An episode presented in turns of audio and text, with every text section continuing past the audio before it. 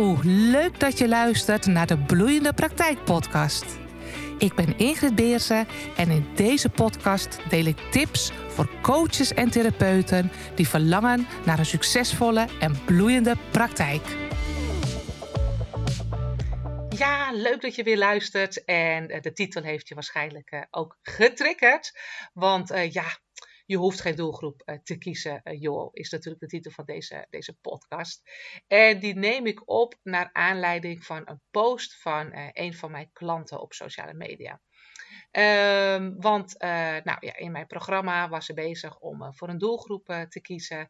En ze posten over, een beetje over haar proces. Hartstikke goed op sociale media. Want ja, mensen willen ook graag iets over je proces vaak hè, als ondernemer meekrijgen. En daar post ze iets van, nou, ik ben nu druk bezig met het kiezen van mijn doelgroep. Dat vind ik wel spannend. En nou, ik weet niet meer precies wat er in die post stond. En toen dacht ik al, nou, ik ben heel benieuwd wat hier, uh, wat hier gebeurt. En ja hoor, onder de post kwamen uh, uh, opmerkingen als... joh, het is veel leuker om je doelgroep breed te houden. Of niet doen hoor, zou ik tenminste niet doen. wat de, de, de, therapie die jij geeft is zo prachtig om dat aan veel mensen aan te bieden. Of zonder, dan sluit je mensen uit. En ook een paar collega's. Doe ik ook niet hoor, en ik draai ook lekker met mijn praktijk. Nou, de twijfel kwam natuurlijk. En ik wist het, ik laat het eventjes gebeuren. Maar uh, natuurlijk kwam ze bij me terug en ze zei, nou moet je horen wat ik onder de post heb uh, gelezen. Hè? heel vaak, joh, dat moet je niet gaan doen. Dus ja, ik vind het al een beetje spannend en dan krijg ik ook dit terug. En ik hoor ook wel van collega's dat die ook een praktijk hebben met een brede doelgroep. ze helpen iedereen en dat loopt best aardig. En uh, ik, moest, ik moest lachen, want uh, natuurlijk snap ik, snap ik dat. Ik weet waar altijd de spanning en de weerstand een beetje zit. En de twijfel. Ons brein denkt, ja, ik wil klanten hebben, dus elke klant die ik kan pakken is toch fijn. En, en, dan ga ik versmallen, dus, dus minder klanten. Hè, dat is wat ons brein met ons doet. Maar ik zei tegen de, nou, kijk eens even goed naar de antwoorden. Sowieso, mensen die antwoorden, zijn dat ook ondernemers. Nou, heel vaak ook niet. Leuk, variatie, waarom zou je het moeten en allemaal dat soort dingetjes. Um, dus neem nooit adviezen aan van mensen die geen ondernemer zijn, geen succesvol ondernemer zijn, vooral dat ook. En ook niet de uh, business kennen waar je in zit. Want een ondernemer met een bouwbedrijf is een ander type ondernemer dan wat jij, wat jij doet. Dus dat is echt altijd les 1 die ik meegeef. Wie zegt het tegen je? Zeggen ze dat om jou veilig en klein te houden? En klein is niet altijd negatief, maar dat is ook vaak veilig uh, te houden, zodat je niet de grote risico's neemt en dat soort dingen. Zeggen ze het soms uit jaloezie? Heel veel mensen die willen altijd wel heel graag ondernemer worden, maar ze zetten zelf de stappen niet. Of zeggen ze dat uit ignorance, onwetendheid, of ook eigenlijk gewoon er zelf niet aan willen. Nou, dus dat, dat, die pakte ze ook wel snel. Maar die andere ging natuurlijk over dat een paar collega's zeiden, hè, die eenzelfde soort praktijken hebben als wat zij uh, uh, doet. En die zeiden, ja, maar ik draai ook gewoon goed. Wat een onzin. En toen zei ik, draaien ze echt goed? Het is net zo als iemand tegen mij zegt, hé hey Ingrid, hoe gaat het met je bedrijf? Lekker druk? En dan zeg ik nu wel eens, nee. Oh, wat rot. Zeg ik, nee, ik draai heel goed, maar ik heb het niet druk. En dat is de essentie van hoe mensen denken. Je moet het druk hebben, dan draai je goed. En uh, uh, die wil ik je sowieso eventjes meegeven. Want wat zie ik vaak ontstaan? Dat een aantal praktijken, en die komen natuurlijk ook bij mij, aan de buitenkant het wel druk hebben, maar aan de binnenkant vooral druk zijn en weinig verdienen. Vorige week sprak ik nog iemand die heeft al 14 jaar een praktijk. En uh, ze zegt, uh, mijn belastingadviseur vraagt af en toe, misschien moet je maar stoppen.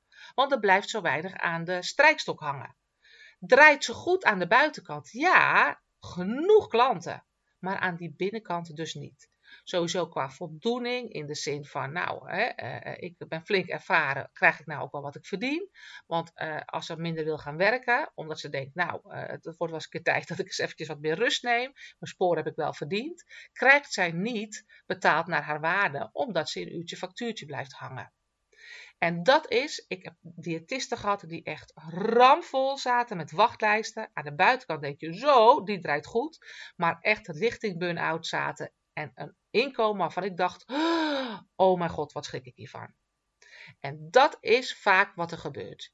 Mijn moeder zei altijd: je kijkt erop, maar je kijkt er niet in. Nou ja, die klopt natuurlijk als een bus, maar ook met dit soort adviezen. Ja, ze lopen ogenschijnlijk lekker, leuk mond tot mond en dit en dat, maar ze draaien in mijn optiek niet goed als het gaat om hun uh, omzet.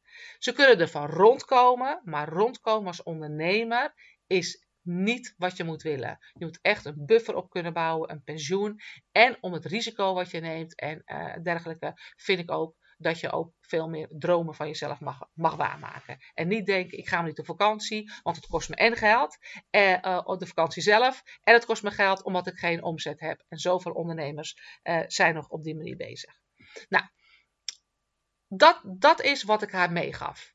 Want de oplossing zit namelijk in om te zorgen dat je een praktijk hebt waar je niet harder in hoeft te werken, maar waar je wel meer omzet in maakt en meer en betere resultaten met klanten krijgt. De sleutel die daarin zit, sorry, ik heb je een beetje misleid met de titel, is dat je dus wel een doelgroep kiest. Als je namelijk geen doelgroep kiest, en dat is wat deze praktijkhouders doen, blijf je in uurtje factuurtje hangen. Want zonder een doelgroep kan je geen pakket of traject maken, geen echt aanbod doen.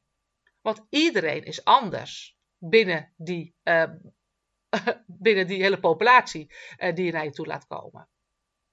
Ook hun marketing, ze zijn vaak ook langzaam gegroeid. Of, ook die komen, kloppen vaak bij me aan, afhankelijk van een verwijzer die wel doorstuurt.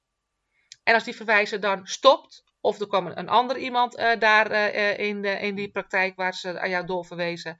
En opeens zagen ze, ja, ik heb te veel risico gelopen. Er valt een heel stuk van mijn inkomsten weg, want die verwijst niet meer door. Of er komt meer concurrentie, waardoor de, de taart anders verdeeld wordt en jij nog maar een stukje van de doorverwijzingen krijgt. Afhankelijkheid troef, vaak. Natuurlijk komt er ook wel wat uh, mond-to-mond reclame, reclame op gang, maar ook niet allemaal voor klanten waar jij blij van wordt. Je blijft dus in de vicieuze cirkel hangen van een brede praktijk. Maar het belangrijkste is vooral dat je in de uurtje factuurtje uh, cyclus blijft hangen. En verkoop alsjeblieft niet je tijd, maar verkoop je waarde. En daarom is het, kiezen van een doelgroep zo ontzettend helpend. Je krijgt veel meer rust en focus. Je hebt veel meer uh, uh, marketing uh, richting, want je weet, nou ja, deze zit op Instagram, dus ik hoef lekker niet op Facebook. Of deze zijn vooral daar aanwezig, dus ik hoef op de andere plekken niet te zijn. Dat is een stuk makkelijker alleen dan met een doelgroep. Overal waar jij denkt, ik moet met mezelf te koop lopen of ik ben aan het spammen, dat klopt, zeg ik dan, als je geen doelgroep hebt. Want dan praat je niet tegen iemand, je praat tegen een groep mensen en dan voel ik mij nooit aangesproken, dus voelt het meer als, als spam. Als je tegen een doelgroep praat en daarbinnen ken je ook echt een, een, heb je een eikpersoon voor ogen tegen wie je praat, dan wordt je marketing gelijk een stuk persoonlijker. Dus je marketing wordt makkelijker. Uiteindelijk ook je mond-tot-mond reclame gaat, komt ook sneller op gang. Want dan krijg je, joh, uh, die uh, Mariette die uh, helpt je van migraine af. Wat ze doet, I don't know, maar ze helpt je van migraine af. En als jij een brede praktijk hebt, dan verkoop je dus je methodiek. Ja, kinesiologie, hoe spreek je het ook weer uit? ja, daar kan ze iedereen mee helpen. Ja, waar dan mee? Ja, volgens mij kan ze alles. Oeh, lekker geloofwaardig. Dus uh, aan meerdere kanten gaat het gewoon schuren. Dus je marketing wordt makkelijker als je een doelgroep hebt gekozen. Je mond-tot-mond reclame uh, gaat sneller. Nou, ik werk uh, ook samen met een hele grote uh, branchevereniging die onderzoek heeft gedaan bij verwijzers. Die zeggen ook, alsjeblieft, ga je specialiseren, word duidelijk voor welke doelgroep je bent. Anders zien wij als verwijzers ook door de boom het bos niet meer. Maar bij hun zit het ook heel erg op vertrouwen. Als jij voor rugpijn bent, voor psoriasis, voor astma, voor migraine, voor... dan ben je natuurlijk niet geloofwaardig, dus gaan ze je ook niet zo snel doorverwijzen. Maar ze snappen het ook allemaal niet. Ze willen je methodiek niet snappen, ze willen je oplossing snappen. Maar bovenal, als jij met een doelgroep gaat werken, kan jij een prachtig mooi aanbod creëren. Waar mensen al helemaal voor aan gaan staan als alleen al dat op je website lezen. En een aanbod, daarmee bedoel ik een pakket of een traject. Geen losse sessies meer. Want met losse sessies verkoop je echt, geloof me, je uren. En blijf je afhankelijk van de beschikbaarheid van je uren. En raak je in prijsconcurrentie. Want de prijs die je kan hangen aan een uur, dat heeft wel een maximum uh, tarief. Maar met een traject waar jij waarde in toevoegt, daar is die uurprijs niet meer belangrijk in. maar daar is de waarde die jij in totaal, totaliteit biedt, wordt daarin uh, veel belangrijker. Dus kortom, uh, een doelgroep kiezen, dat hoeft niet joh. Nou, van wie neem je alsjeblieft, van wie neem je dit soort adviezen aan? Je kijkt er nooit, uh, uh, je kijkt altijd op en nooit erin. Dus uh, nogmaals, het voorbeeld van mij, Egert heb je druk. Nou nee, oh, dan draai je vast slecht. Dat is echt iets van 10, 20 jaar terug. Dat is niet meer van deze tijd met alle online mogelijkheden. Je kan het voor jezelf veel makkelijker maken door het niet druk te hebben, maar toch heel veel extra waarde te leveren aan je klant andere manieren dan alleen uh, je uren en jouw uh, beschikbaarheid. Dus ja, kies een doelgroep. Je praktijk wordt veel makkelijker, maar vooral je kunt ook makkelijker doorgroeien. Die is ook nog, die, die ben ik eigenlijk bijna vergeten. Um, de praktijken die dus bij mij komen en die dus ogenschijnlijk lekker draaien omdat ze aan de buitenkant heel druk hebben, die bij mij komen, die moeten alsnog hun praktijk kantelen, willen ze kunnen doorgroeien. Dus ik had laatst ook iemand die zei, ik draai al lekker, uh, maar ik wil opschalen bij je, dus ik wil met Big Impact meedoen dan moet ik ze helaas terugsturen naar de basis. Want als ze geen doelgroep hebben en dus nog niet met trajecten kunnen werken en ze kunnen ook geen e-maillijst aan, aanmaken, en de brede doelgroep kan dat niet, want dan ben je aan het spammen, uh, kan ik ook niet met ze gaan opschalen. Dus met geen doelgroep kiezen gaat ook straks de verdere groei van je praktijk in de weg zitten en moet je het later alsnog doen. Dus de titel was een doelgroep kiezen hoeft niet joh. Uh, ik hoop dat je hierin voelt dat uh, de adviezen van, uh, van, van het hoeft niet joh, geen adviezen zijn die jou dienen in de groei van, jou, van jouw praktijk.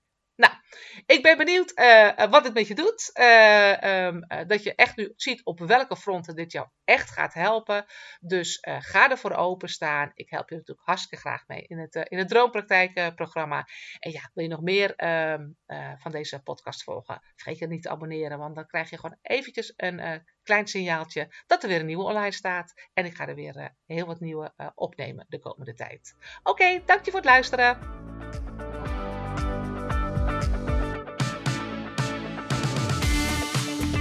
Leuk dat je hebt geluisterd. Vond je het interessant en smaakt het naar meer? Abonneer je dan op mijn podcast, zodat je op de hoogte blijft van de nieuwste afleveringen. En wil je meer informatie? Neem dan een kijkje op de website van bureaubeersen.nl.